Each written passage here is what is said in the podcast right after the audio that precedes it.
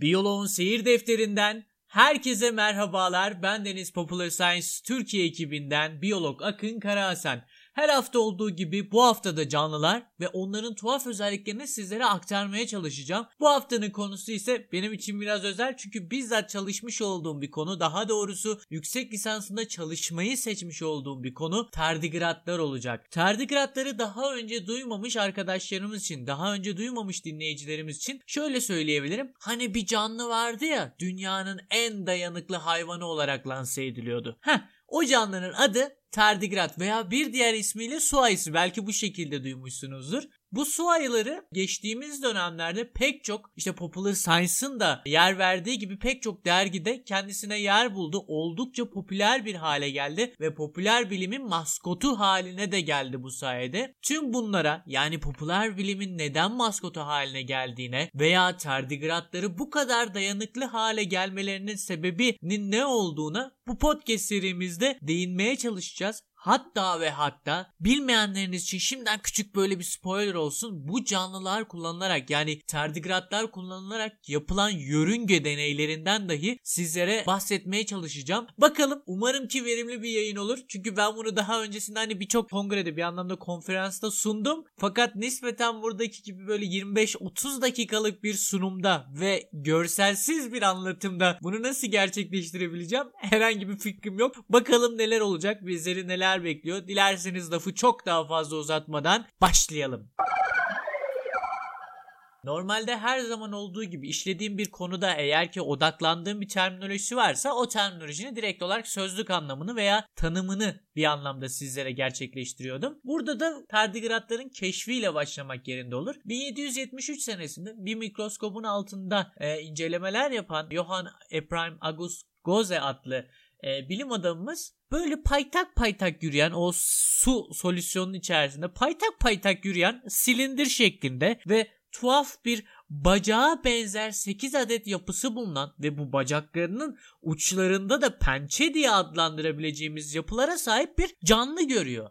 Ve bakıyor diyor ki ya bunun işte vücudunun şekli ondan sonra o pençelerinin vücuduyla kıyaslandığındaki büyüklükleri düşünüldüğünde buna su ayısı lakabı olarak lanse edilen Water Bear adı veriliyor. Tardigrat ismi ise nereden geliyor diye soracak olursanız bu e, keşiften 3 yıl sonra Spallanzani adını verdiğimiz bir İtalyan, İtalyanca yavaş adım anlamına gelen iki kelimeyle tardigrat adını e, onlara vermiş oluyor. Çünkü tardigratlar o sulu süspansiyon içerisinde, sulu solüsyon içerisinde daha doğrusu diğer canlı gruplarına nazaran oldukça yavaş hareket ediyorlar. İşte eğer ki bir mikroskopta paramesyum incelediyseniz paramesyum bir yerden bir yere hani hiç durmaksızın neredeyse sürekli olarak hareket halindedir. O silleri sayesinde. Hatta o tür canlıları mesela incelemek isterseniz onları bir yerde sıkıştırmanız gerekir. Bunu kimi zaman bir pamukla yapıyorlar. Bir lifli bir e, yapıyla yapıyorlar. O küçücük alana sıkışan paramesyumları bu sefer rahatlıkla odak gösterebiliyorsunuz veya işte bir diğer kullanım yöntemi ise bir işte e, fiksatif diyebileceğimiz bir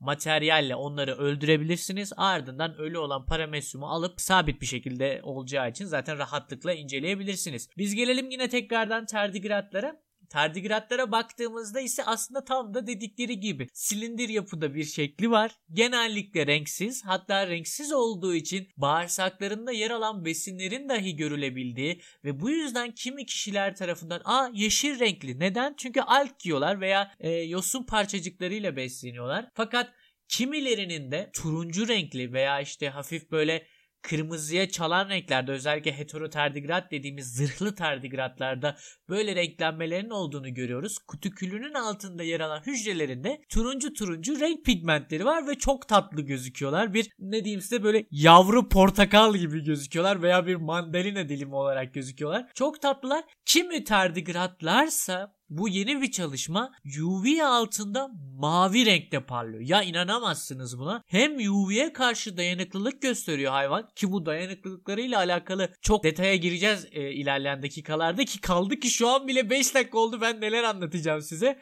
UV'ye dayanıklılığından bahsetmiştim. Bu hayvan UV dayanıklılık gösterdiğinde mavi parlıyor. Çok tuhaf bir özelliğe sahip ama şunu e, altını çizmek isterim. Her tardigrat türü değil. Bazı tardigratlar az önce de bahsettiğim gibi kimisi turuncu, kimisi saydam, kimisi işte böyle mavi parlayabiliyor vesaire vesaire. Şimdi gelelim tardigratların biraz da böyle iç organlar sistemine. Bunu neden giriyorum? Daha doğrusu bu konuya neden giriyorum diye soracak olursanız hani çok spesifik kaçmayacak mı? Akın şu an yüzeysel bir şey anlatsan da biz tanısak tardigratları. Aslında belki kaçabilir ama burada bir farkındalık yakalamak istiyorum. Ne demek istiyorum? Boyutları mikrometrelere varabilen, bu arada hemen ondan bahsedeyim.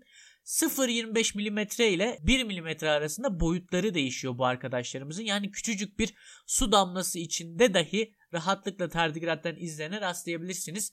Neyse boyutları mikrometrelere varabilen bu canlıda dahi muazzam bir organlaşma gözlemleniyor. Nedir o? İşte bir sindirim sistemi var. Nispeten bir sinir sistemi var. Ganglionlardan oluşan yani sinir hücrelerinin bir araya geldiği topaklardan oluşan ve bunların baş bölgesinde işte birikmesiyle veya orada toplanmasıyla beyin yapısına rastlayabiliyoruz. Aynı şekilde bir üreme sistemi var. Ee, bir yumurtalık kesesi olarak düşünebilirsiniz dişi bireylerde. Erkeklerde ise buna bağlı olarak konatları var. Ee, Malpighi tüpleri var. Malpighi tüpleri de günümüz eklem bacaklarında sıklıkla görmüş olduğunuz bir boşaltım organı olarak karşımıza çıkıyor.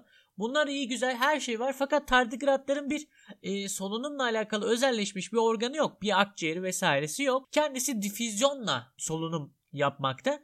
Bu yüzden de o az önce bahsetmiş olduğum su damlası kısmı vardı ya su damlasına bu yüzden ihtiyacı var. Çünkü çözünmez, e, çözünmüş oksijeni rahatlıkla sıvı içerisinden alıp verebiliyor. Ama sıvı olmadığında ise bu özelliğini kaybediyor ve difüzyonla oksijen alıp verdiği için tam anlamıyla aktif bir halde olamıyor su olmadığında ki bunlar tardigratların korunma mekanizmalarından biri olan anhidrobiyoz dediğimiz bir korunma mekanizması olarak karşımıza çıkıyor. Bunların hepsine birazdan gireceğiz.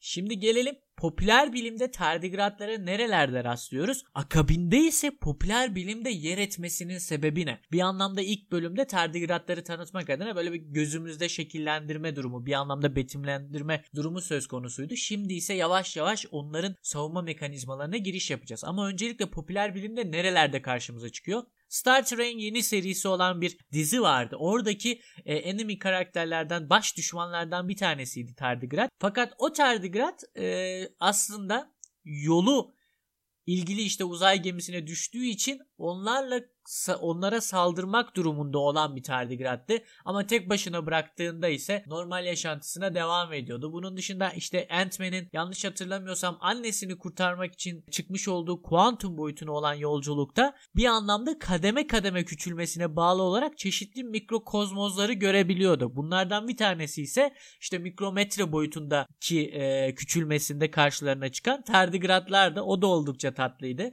Daha sonrasında Family Guy'da e, tardigratlarla alakalı bir bölüm vardı. Yanlış hatırlamıyorsam South Park'ta da böyle bir e, bölüm söz konusuydu. Bir deney yapılıyordu tardigratlar üzerine ve elbette ki 2007 senesinde gerçekleştirilen o yörünge deneylerinden dolayı tardigratlarla astronotların photoshoplandığı pek çok farklı görsel var. Yani onları gördüğünüzde neden onlar diye, neden böyle bir photoshop'a ihtiyaç duyuldu diye şaşırmayın diye bir anlamda bugün yörünge deneylerinden de bahsedeceğim sizlere. Şimdi gelelim iyi güzel evet her yerde tardigratlar karşımıza çıkıyor. Fakat tardigratları bu kadar önemli kılan şey de ne? Yani tardigratlar neden bu kadar herkesin dilinde veya neden bu kadar popüler bilim dergilerinin e, manşetlerinde yer aldı bir zamanlar diye soracak olursanız şimdi sizlerle o muazzam dayanıklılık özelliklerini buluşturmaya çalışayım. Tardigratlar bahsettiğim üzere bir su filmi içerisinde yaşamak zorundalar. Bunun en temel sebebi ise solunum yapabilmek adına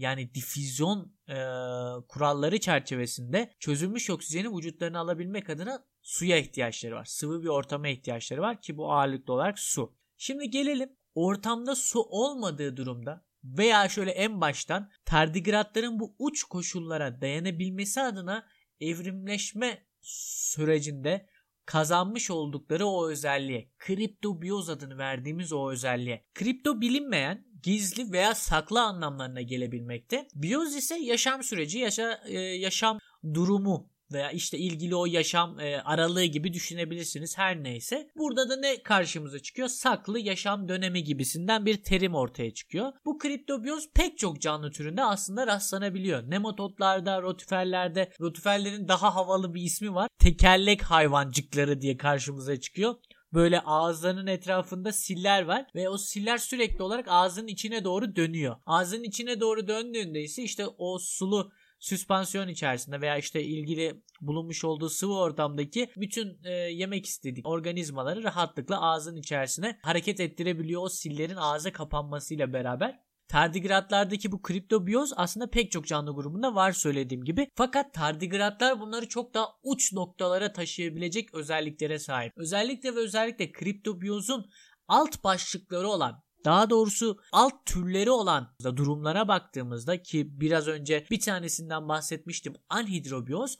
Bu durumda tardigratlar suyun olmadığı koşullarda kendilerini bir latent döneme, bir uyku dönemine alıyorlar ve su gelene kadar orada işte ne diyeyim sizlere durmuş bir vaziyette tam anlamıyla neredeyse kalabiliyorlar. Aynı şekilde kriptobiyozun bir diğer türü olan kriobiyoz adını vermiş olduğumuz yani latincesiyle yanlış hatırlamıyorsam soğuğa karşı dayanıklı kriyo soğuk gibisinden e, canlanabilir kafanızda. Soğuğa karşı dayanıklı e, kriptobiyotik türlerinden kriyobiyoz yine aynı şekilde tardigratların çok soğuk iklimlerde dahi hayatlarını devam ettirebilmelerini sağlamakta. Fakat burada farklı olan bir durum söz konusu. Tardigratların bir açık formu bir de kapalı formu var. Ne demek istiyorum? Silindiri açık olarak işte tahmin edin. İşte normal tardigrat duruyor. Bir de onu yumruk şekline gelmiş gibi hayal edin. Neden yumruk şekline geliyor? Bunun temel mantığı şundan ibaret. Siz havalar soğuduğunda yatağın içerisinde cenin pozisyonuna gelirsiniz öyle değil mi? Yani neden? Yüzey alanını olabildiğince küçültüp soğuktan etkilenen kısımlarınızı olabildiğince azaltmak adına ve buna bağlı olarak da daha az enerji harcayabilmek adına. Temel mantık bundan ibaret. Tardigratlarda da böyle bir durum söz konusu. Yani ilgili işte abiyotik faktörler yani o sıcaklık, pH vesaire vesaire bunlar eğer ki yaşama elverişli değiller değiştilerse yani değiştilerse o zaman tardigratlar latent dönem adını verdiğimiz o uyku dönemlerinin içerisine girmekteler ve bu uyku dönemlerinden biri olan daha doğrusu o formlarından biri olan kriyobiyozda tardigratlar tun dediğimiz o yumruk şeklindeki fıçı formlarına giriyorlar Türkçesiyle. Gelelim bir diğerine o da anoksibiyoz. Adından da rahatlıkla anlayabilirsiniz aslında. An olumsuzluk 2, oksi e, oksijen, biyoz ise işte oksijenin olmadığı yaşam durumu olarak rahatlıkla karşımıza çıkıyor. Burada da yine aynı şekilde fıçı formuna girmekteler ve buradaki temel mantıkta çözülmüş oksijenin olmadığı durumlarda girilen e, kriptobiyotik form olarak karşımıza çıkıyor. Ozmobiyoz, ozmobiyozda da yine aynı şekilde fıçı formuna giriyor arkadaşımız tardigratlar ve buradaki temel mevzu ise ozmobiyoz yani osmotik basınç vesaire duyduysanız yine aynı şekilde basınçla alakalı bir durum. Yüksek basınçlarda ya da düşük basınçlarda tardigratlar yine dayanıklılık sağlayabilmekte. Bir de en sonuncusu kemobiyoz dediğimiz bir e, kriptobiyotik tür var. Fakat bunun hakkında pek fazla bilgiye sahip değiliz. Eskiden işte cyst formu olarak da geçiyordu. Yüksek düzeyde işte çevresel toksinlere karşı işte özellikle yüksek pH'larda veya işte zehirli maddelerin ortamda bulunmasına rağmen e, tardigratların göstermiş olduğu bir dayanıklılık e, formlarından bir tanesi. Şimdi iyi güzel akın hani saydın dayanıklık formlarını saydın da bu arkadaşlar neye ne kadar dayanıyor biraz da ondan bahset diye söyleyecek olursanız öncelikle belki de en çarpıcı özelliklerinden bir tanesi olarak karşımıza çıkan eksi 272 dereceye yani mutlak sıfıra sadece bir derece yakınken bu arkadaşlarımız muazzam bir tolerans gösteriyor ve eksi 272 derecede dondurulmalarına rağmen üzerlerine bir damla su döktüğünüzde tekrardan eski hallerine gelebilmekte. Aynı şekilde artı 150 dereceyi birkaç dakika boyunca dayanabilmekte. Yani artı 150 derece deyince şöyle düşünün. Siz ateşiniz 40 dereceye çıktığında yani sadece normal değerden 4 değer yükseldiğinde havale geçiriyorsunuz ve çeşitli organlarınızda kalıcı hasar dahi olabiliyor. Bu arkadaşlarımızda ise artı 150 dereceye o tun formunda dayanabilmeleri söz konusu. Bunun dışında 7500 megapaskal'a dayanabilmekteler. Şimdi 7500 megapascal ne akın nasıl kafamda canlandırabilirim diye soracak olursanız yine aynı şekilde. Bir ATM'yi hatırlarsınız değil mi? Normal deniz seviyesindeki ATM. 74.019 ATM'ye dayanabilmekteler. Muazzam bir değer. Çok çok uç bir değer yine aynı şekilde. Peki böylesine bir basınçla nerede karşılaşabilirler veya böylesine yüksek bir sıcaklıkta aynı şekilde düşük bir sıcaklıkta dünya üzerinde nerede karşılaşabilirler diye soracak olursanız işte BAM teline geldiğimiz noktalardan bir tanesi de o olacaktır. Çünkü hani öyle dayanıklılıklar gösteriyor ki bu canlı. Sanki ya bu dünyada evrimleşmiş bir canlı değil. Çünkü bugüne kadar ölçülmüş en düşük sıcaklık eksi 89 ile Antarktika'da bir yer en yüksek sıcaklık yine e, artı 80 ile veya 79 ile yanlış hatırlamıyorsam çöllerden bir tanesinde. Yine aynı şekilde ATM'ye baktığımızda ise Mariana Çukuru'nda dahi bu kadar yüksek bir atmosferik basınca ulaşılamıyor. Bu arkadaşlarımız ne gördü de bu kadar böylesine devasa bir dayanıklılık seviyesine ulaştılar diye sor- sorabilirsiniz ki bu çok normal. Çünkü genelde evrimde ne görürüz biz?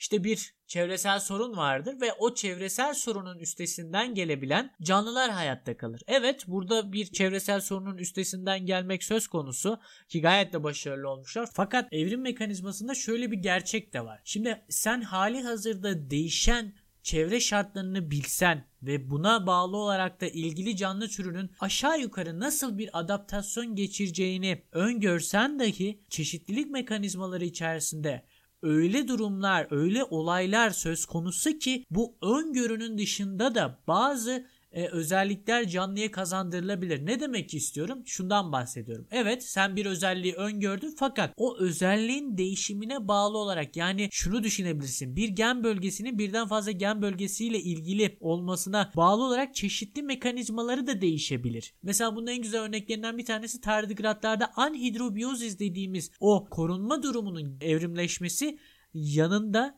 bir de UV'ye karşı direnci de getirmiş. Yani anhidrobiyotik durumdaki tardigratlar UV'ye karşı da direnci sahip. Yani bunu tahmin edebilir miydiniz? Bir anlamda suyun olmadığı durumda nasıl oluyor da UV'ye karşı dayanıklılıkları da söz konusu oluyor. Bu oldukça hani bir anlamda e, beklenmedik bir durum ama bu da evrimin güzel taraflarından bir tanesi. Bahsettiğim üzere öylesine uç koşullara dayanabiliyor ki öylesine uç koşullardaki değerlere dayanabiliyor ki bu insanın hakkına bazı tuhaf soruları getirtebiliyor. Ya acaba bu canlı türleri dünyada evrimleşmedi de panspermia hipoteziyle dışarıdan dünyamıza gelmiş olamaz mı? Yani başka bir gezegene adapte olmuş. Daha sonrasında ise işte bir meteorla taşınıp dünyamıza gelmiş. Ya o kadar yaratıcı bir düşünce ki neden diye soracak olursanız ya o meteorun içerisinde bir anlamda hayatta kalabilmesini sağlayacak donanımlara sahip. Geçtiğimiz günlerde bir astrobiyoloji yayını yapmıştık. Bir hocamızla onu tartışıyorduk. İşte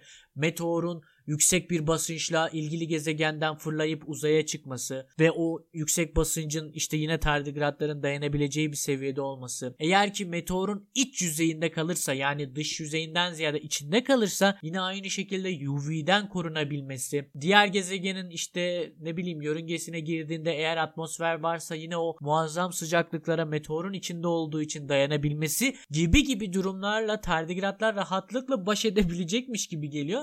Fakat şöyle bir durum söz konusu. Tardigratların işte ilgili filogenetik haritalaması yapıldığında rahatlıkla biz onun akraba türlerine ulaşabiliyoruz. Yani o bizden, dünyadan bir e, tür olarak karşımıza çıkıyor diyebilirim kısacası. Geldik en önemli özelliklerinden bir tanesine. O da şu anhidrobiyozun bir anlamda sergilemiş olduğu ikincil bir özellik daha var. O da e, yüksek miktarda gamma tipli radyasyona dayanıklılık göstermesi. Hatta bu öylesine yüksek bir miktar ki 1000 GA ile 9000 C'ye kadar değişebilmekte. Şimdi 1000 C, 9000 C nedir diye soracak olursanız veya gözümüzde nasıl tekabül edecek diye e, soracak olursanız onlara birazdan geleceğim. Hatta güzel birkaç tane örneğim var. Bir tanesi Çernobil örneği, bir tanesi ise Little Boy lakaplı Hiroşima'ya atılan atom bombası örneği. Ama ondan öncesinde sizlerle buluşturmak istediğim bir konu daha var. Bahsettiğim üzere bu tardigratlar tun formlarına girmekte. Yani o fuçi dediğimiz yumruk şekline girmekte ve bu yumruk şekline giren tardigratlar çalışıyorlar. Metabolizma hızlarını çok ama çok düşürmekteler. Hatta yani öyle ki bunun elbette ki sayısal bir değeri var ama bu tamamen tahmine yönelik söylenmiş bir şey. İşte 0.0001 gibisinden bir şey. Hani bu kafanızda canlanması adına ben ölümün bir tık üstü olarak lanse ediyorum ki çok da doğru bir yaklaşım. Fakat şöyle bir durum ortaya çıkıyor. Hal böyle olunca yani metabolizma hızları düştüğünde acaba tun formuna bir yaşında tun formuna girmiş olan bir tardigrat bundan 10 yıl sonra tun formundan uyandığında hala 1 yaşında mı olacak yoksa işte 11 yaşında mı olacak diye sorular var. Şimdi metabolizma hızı düştüğünde de haliyle yaşlanmaya bağlı özellikle hücresel yaşlanmanın ben önüne geçileceğini düşünüyorum. Bu yüzden de hani 1 yaşında olmasa dahi çok çok e, az bir yaşlanmanın gerçekleşeceği yönünde bir düşüncem var. Buna yönelik çalışmalar hala gerçekleştiriliyor fakat net bir cevaba ulaşılamadı şimdiye kadar diyebilirim size. Bu hipotezin adı da bu güzel düşüncenin adı da uyuyan güzel hipotezi. Bunun tardigratlarla buluşması da bir o kadar ironik çünkü sen mikroskoplarında yani e, taramalı elektron mikroskoplarında tardigratlara baktığınızda biraz ürkütücü olabilir özellikle ağız kısımlarına ama bir ışık mikroskobunda tardigratlara baktığınızda ise o yukarıdan onların hareketlerini izlediğinizde ise küçük paytak paytak bir arkadaşlarımız yürüyor. O arkadaşları da orada işte bir anlamda bağlanabiliyorsunuz tatlılıkları altında ne diyeyim eriyebiliyorsunuz tabiri caizse. O yüzden de hem bir anlamda doğru bir yaklaşım hem bir anlamda da ironik bir yaklaşım. Şimdi gelelim iyi güzel hepsinden korunuyor. Fakat nasıl korunuyor sorusuna. Bu da oldukça önem arz eden sorulardan bir tanesi. Çünkü eğer ki bu kadar uç koşullara nasıl korunduğunu öğrenebilirsek ki bunun bizler için de faydası olacaktır ki hali hazırda da olmaya başladı bile. Öncelikli olarak ne oluyor da korunmaya ihtiyaç duyuyor ondan bahsedelim. Bildiğimiz üzere bir DNA hasarından söz etmek gerekir ilgili işte yüksek sıcaklıklar olsun veya e, çok düşük sıcaklıklar olsun bunlarda da DNA hasarı gerçekleşebilmekte. Ama verdiğim örnekler ağırlıklı olarak fiziksel hasarlardan meydana geliyor. Nedir? Yüksek sıcaklıklarda proteinler deforme olur. Yani yapıları bozulur ve buna bağlı olaraktan da ilgili hücresel ölümler veya daha büyük düşünecek olursak doku ölümleri meydana gelebilir. Bunun dışında düşük sıcaklığa baktığımızda ise orada da en büyük tehlikelerden bir tanesi vücut içerisinde suyun kalması. Tardigratlar bunun önüne geçebiliyorlar çünkü vücutlarındaki suyu otun formuna, yumruk formuna girmeden önce dışarıya çıkartıyorlar ve vücut içerisinde kalan çok çok az miktarda bir suyu da ilgili bir sentezle rahatlıkla suyun donmamasını sağlıyorlar. Peki su donarsa ne olur vücut içerisinde? Su bildiğiniz üzere kristalleşen bir yapıya sahip. Eğer ki vücut içerisinde su donarsa o kristaller sizin bütün işte ilgili dokularınıza veya organlarınızı parçalayarak bir anlamda sizi yine fiziksel bir şekilde öldürebilir. Bunun dışında ATM ve şeyden bahsetmiştik. Yani basınçtan ve UV'den bahsetmiştik. UV'nin durumu bambaşka. UV radyasyon dediğimiz şeyle ortak olarak düşünülebilecek bir durum. Radyasyon bizlere nasıl hasar veriyor diye düşünecek olursak bildiğiniz üzere DNA dediğimiz yapı ilgili bağlardan meydana gelmekte. Yani atomların birbirleri arasında yapmış olduğu bağlardan meydana. UV'de de gönderilen bazı işte e, şeyler var. Elektronlar var veya işte çeşitli e, yine aynı şekilde atomlar söz konusu ve bu ilgili bir anlamda tırnak içerisinde radikaller direkt olarak bağlara çarpıp o bağlardaki atomların yerini alabiliyor veya o bağları kopartabiliyor ve bu sayede de DNA'nın yapısını bozabiliyor. Hal böyle olunca da yapısı bozulan DNA ya yanlış bir anlamda ürünler veriyor yine tırnak içerisinde söyleyeyim. İlgili proteinleri yanlış kodluyor veya çeşitli mekanizmaların yanlış gerçekleşmesine sebebiyet veriyor. Veya hücre apoptoz e, sinyali verip kendi kendini öldürmesiyle sonuçlanıyor. Neden? Çünkü orada artık bozulmuş bir DNA var, bozulmuş bir hücre var. Hücre diyor ki ben bunu öldürmeliyim vesaire vesaire. Tabi elbette ki bu böyle bir hücreden ziyade e, UV'nin geldiği yöne bağlı olaraktan birçok hücreyi etkileyebilmekte ve bu sayede de çeşitli işte DNA kısımları hasar görebilmekte. Elbette ki bu sadece hani radyasyonla olabilecek bir şey değil. Çeşitli işte gazlar, ondan sonra çeşitli metabolik atıklar veya sigara gibi yapılar e, elbette ki bu tür şeylere sebebiyet verebilecek ortamları hazırlayabilir. Yani DNA hasarını oluşturabilir demek istiyorum kısacası. Şimdi tamam iyi güzel DNA hasarını oluşturduk. Peki tardigratlar bu DNA hasarından nasıl kurtuluyor? Bunda da şöyle bir açıklama getiriliyor. Tardigratlarda keşfedilen bir protein ailesi var. Bu protein ailesi yanlış hatırlamıyorsam böyle 2016 senesinde ya da 2017'de Japon bilim adamları tarafından keşfedilmişti.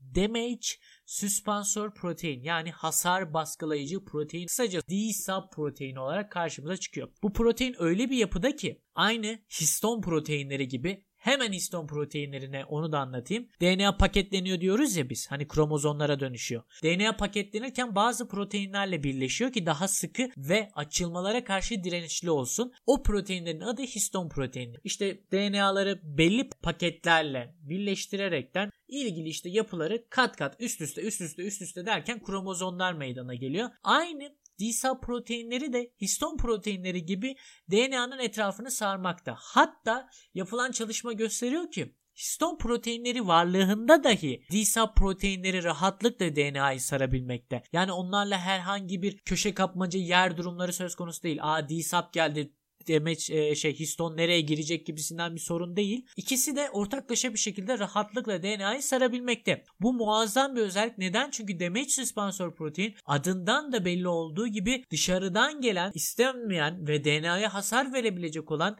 şeylere karşı özellikle radyasyona karşı DNA'yı koruyabilmekte. Fakat bunun nasıl gerçekleştiğini henüz bilmiyoruz. Yani işte damage suspensör protein içerisinde yer alan atomların birbirleriyle yapmış olduğu bağlar o kadar kuvvetli ki UV'nin bu bağları parçalamasına ve akabinde DNA'ya ulaşmasına mı engel oluyor. Yoksa ne bileyim DNA damage suspensör proteini gelen UV başka bir yapısında bulunan atomla birleştirip daha zararsız hale mi e, getiriyor? Bunun hakkında tam anlamıyla bir bilgiye sahip değiliz. Ama araştırmalar sürmekte ve bu araştırmalar öylesine büyük potansiyel barındırıyor ki insan böbrek hücre kültüründe yapılan bir deneyde damage suspensör proteini aktarılan laboratuvar ortamındaki insan hücreleri UV'ye karşı yani radyasyona karşı artı %40 artı %50 daha fazla direnç gösteriyor. Hal böyle olunca da muazzam bir potansiyelin aslında yanı başında duruyoruz. Yine aynı şekilde yapılan bir bu seneydi yanlış hatırlamıyorsam tabi e, 2020'den bahsediyorum bu sene diyerek yanlış oldu kusura bakmayın. Tütün bitkileri üzerinde yapılan deneyde yine damage süspansör protein aktarıldığı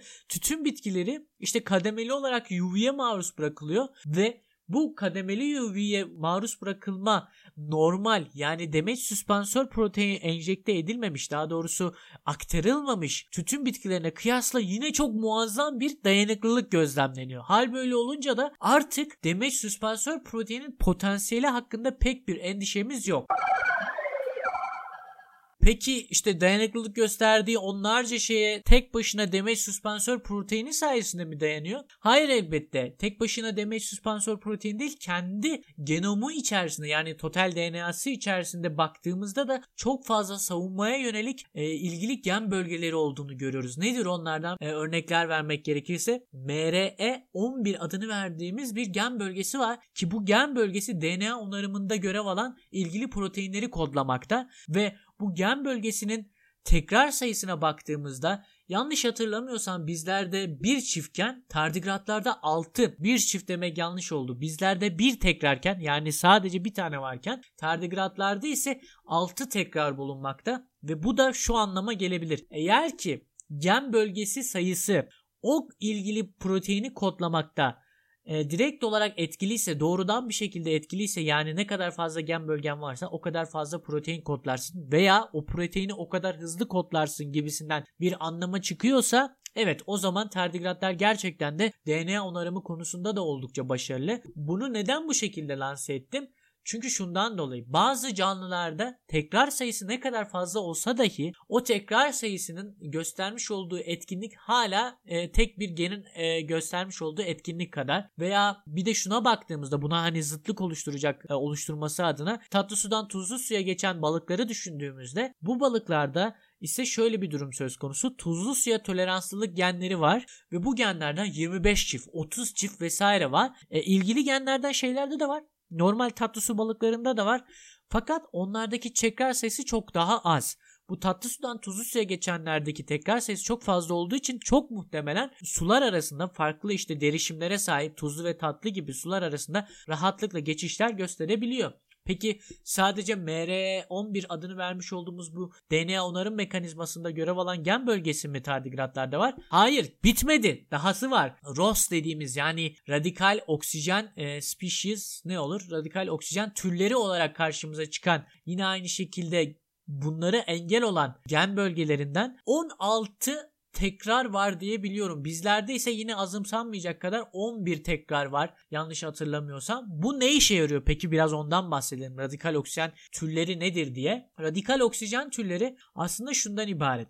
O az önce UV vesaire falan filan dedim ya yani orada bir bileşik var ve o bileşik e, DNA'ya hasar veriyor. Radikal oksijen türlerinde de Aynı durum söz konusu. İşte ETS'de yani elektron taşıma sisteminde oksijenli solunumda görmüşsünüzdür. Bunun sonucunda oluşan bazı moleküller var ve bu moleküller çok radikaller. Yani ne olacağı belli değil. Her an bir yere gidip toslayabilir ve o tosladığı yerde de bahsetmiş olduğum gibi bağlara zarar verebilir. Yani hücre için oldukça tehlikeli birer yapıya sahipler ve bunların genel özelliklerinden bir tanesi işte eşlenmemiş elektronları olması bu tür bir şekilde lanse edilmekte. Yani her an bir bağ katılıp alıp kendini şey yapmak istiyor, tamamlamak istiyor. O son orbitallerinde yer alan, son yörüngelerinde yer alan elektronları bir anlamda eşlemek istiyor. Hal böyle olunca da çok radikal davranıyor. Yani her yere girerim, her yere çıkarım diyor. Fakat bu radikalliğin bir sonucu olarak da ilgili yapıyı bozuyor. Fakat bizler işte bunlar için geliştirmiş olduğumuz bazı e, çeşitli proteinler var, çeşitli enzimler var. İşte süperoksidizmutaz, katalaz vesaire vesaire gibisinden. Aynı şeyin tardigratlar içerisinde de çok daha fazla tekrarlı gen bölgeleriyle gerçekleştirilmiş gerçekleştiğini yani bunlara karşı korunmanın gerçekleştiğini biliyoruz.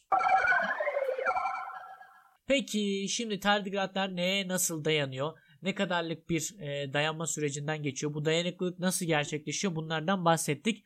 Şimdi gelelim tardigratların yörünge deneylerine ve şu an yanlış görmüyorsam bir 30 dakikam geçti bile. Yörünge deneylerine spesifik olarak girmeyeceğim. Sadece böyle bir tanesini iki tanesinden bahsedeceğim. Çünkü geri kalanları anlatmak hem karışıklar hem de burada anlatmak için oldukça zor. Biraz böyle tablo, görsel olsa çok daha tatlı olur. Gelelim yörünge deneylerine bahsettiğim gibi. Tardigratlarımız 2007 senesinde Photon M3 misyonu ile e, bir düşük dünya yörüngesine çıkartıldılar ve bu düşük dünya yörüngesine çıkartılmayı kapsayan Foton M3 misyonu içerisinde 3 tane tardigratların barındığı deney düzeneği vardı. Biyolojik deney düzeneği vardı. Foton M3 misyonu ne diye soracak olursanız Foton misyonu hali hazırda 80'lerin sonunda sanırım başlatılan ve 2000'lerin başında biten bir misyon ve Foton M misyonları ise 2002, 2004, 2007 ve 2012 yanlış hatırlamıyorsam misyonlarını kapsayan bir Foton'un devam eden dizisinin adı. Bizimki de 2007'ye yani M3 M3'e denk geliyor. Tardigratlar da bu M3 misyonu içerisinde yer alıyor. Gelelim orada ne gibi deneylerle tardigratlar karşı karşıya kalıyorlar. Öncelikli olarak o 3 misyonumuzun adı birincisi Tarse, ikincisi Rotorat ve sonuncusu ise Tardis. Bunlardan Tardis'i anlatarak bu kısmı bitirmeyi planlıyorum. Çünkü Tardis bu e, tardigratların dünyanın en dayanıklı hayvanı unvanını almalarını sağlayan deney. Peki ne oldu o Tardis deneyinde diye soracak olursanız öncelikli olarak bu arkadaşlarımız yani tardigratların ilgili türleri seçiliyor. Neden? Çünkü hali hazırda böyle bir deney yapacak olursanız e, siz de ister istemez göndereceğiniz şartlar belli. Hangi abiyotik koşullar olacağı belli. UV'si var, düşük sıcaklığı var, düşük basıncı var vesaire vesaire. Buna dayanabilecek tardigrat türlerini göndermeniz lazım. Yani bir anlamda burada neye göz kırpıyorum? Şu bilgiye göz kırpıyorum. Her tardigrat türü her işte abiyotik koşula dayanıklı değil. Ne demek istiyorum? Her sıcaklığa veya her düşük basınca dayanıklı değil. Bu yüzden de bu deney için Ricersius coronifer ve Milanesium tardigradum adı verdiğimiz UV'ye karşı oldukça dayanıklı türlerin kullanıldığı bir deney olarak karşımıza çıkıyor. Ve tüm bunlar, tüm bu iki tür e, anhidrobiotic state'de yani anhidrobiotic state'in ikincil bir özelliği olduğunu söylemiştim ya UV'ye karşı dayanıklı. Heh, bu arkadaşlarımız da bu anhidrobiyotik state'e yani yumruk pozisyonuna getirilip ilgili işte deney düzenine yerleştiriliyor. Fakat Sadece bununla kalmıyor ve deney düzeninin oldukça zorlayıcı bazı aşamaları var. Öncelikli olarak ilk deney düzeninde bu arkadaşlarımız UVA ve UVB adı verilen farklı dalga boylarının sadece işte tardigratlara ulaşabileceği düzeneye yerleştiriliyor ve bu düzenekte de işte hem çıplak e, uzay ortamı var ve filtrelenmiş UV var. İkincisinde ise herhangi bir filtre yok. Tam bir UV aralığı işte şeyden geçiyor ve direkt olarak tardigratlara ulaşıyor. Yani bu ne demek? Filtresiz çıplak güneş ışığı ulaşıyor tardigratlara. Herhangi bir koruyucu yok. Siz oradaki yıkıcı etkiyi bizzat düşünebilirsiniz. Hani neler olabilir diye rahatlıkla düşünebilirsiniz. Çünkü UV direkt olarak hücrelerine, dokularına saldıracak. Ve bunun dışında ise buna ek olarak da yine aynı şekilde çıplak uzay boşluğuna maruz yani uzay vakum ortamına maruz kalmaktalar. Bakacak olduğumuzda ise birincil olan denemede UVA ve UVB'de iki türde dayanıklılık göstermekte. Fakat elbette ki Milenezyum tardigradum Celsius koronifere göre yapısından dolayı bilinmiş olduğu o UV dayanıklılığından dolayı çok daha iyi bir şekilde dayanıklılık sağlıyor. Hatta bu dayanıklılık öylesine uç bir durumda ki o UVA ve UVB dediğimiz filtreli UV'ye karşı Sadece bir içerisiz koronifer hayatta kalırken popülasyonda Millenezyum tardigradum popülasyonunun ise %68'i hayatta kalabilmeyi başarıyor. Fakat UV ola geldiğimizde ise durum bambaşka bir seviyeye çıkıyor. Orası o kadar uç bir dayanıklılık gözlemlenmesi gereken bir yer ki neredeyse hiçbir tardigrat e, türü tam anlamıyla böyle bir başarı elde edemezken sadece 3 tane Milenezyum tardigradum örneği hayatta kalmayı başarıyor ve dünyanın en dayanıklı hayvanı unvanını bu sayede rahatlıkla rahatlıkla demek doğru olmaz tabi de bu sayede tardigrada şubesine kazandırmış oluyor. Yani bahsettiğim üzere oldukça uç koşullardan dem vuruyoruz burada ve bu tür koşullara dahi dayanabilen bildiğimiz en dayanıklı ökaryotik hücreye sahip canlı gruplarından bir tanesi tardigratlar. Hayatta kaldılar fakat hiçbir değişim olmadı mı vücutlarında? O kadar işte şeyi demeyici hasarı absorbe mi ettiler? O zaman diğer milenyum tardigradumlar niye yapmadılar? Aslında hayatta kaldılar ve üzerlerine bir damla su döküldüğünde 30 dakika içerisinde yeniden e, yaşama tutundular. Fakat yaşam süreleri Diğer tardigratlara bakacak olduğumuzda oldukça kısaydı. Ne demek istiyorum? Yani diğerleri böyle 6 ay falan yaşarken bu arkadaşlarımız 2 ay boyunca anca yaşayabildiler. Bu yüzden hani ilgili dönemi belki ilgili anı tölere edebilirler fakat DNA'larında yine de uzun süreli bir şekilde e, tam anlamıyla onarılamayacak bazı hasarlara sebebiyet verdiğini düşünüyoruz. Buna bağlı olaraktan da erken ölüm onları yakalamış oldu.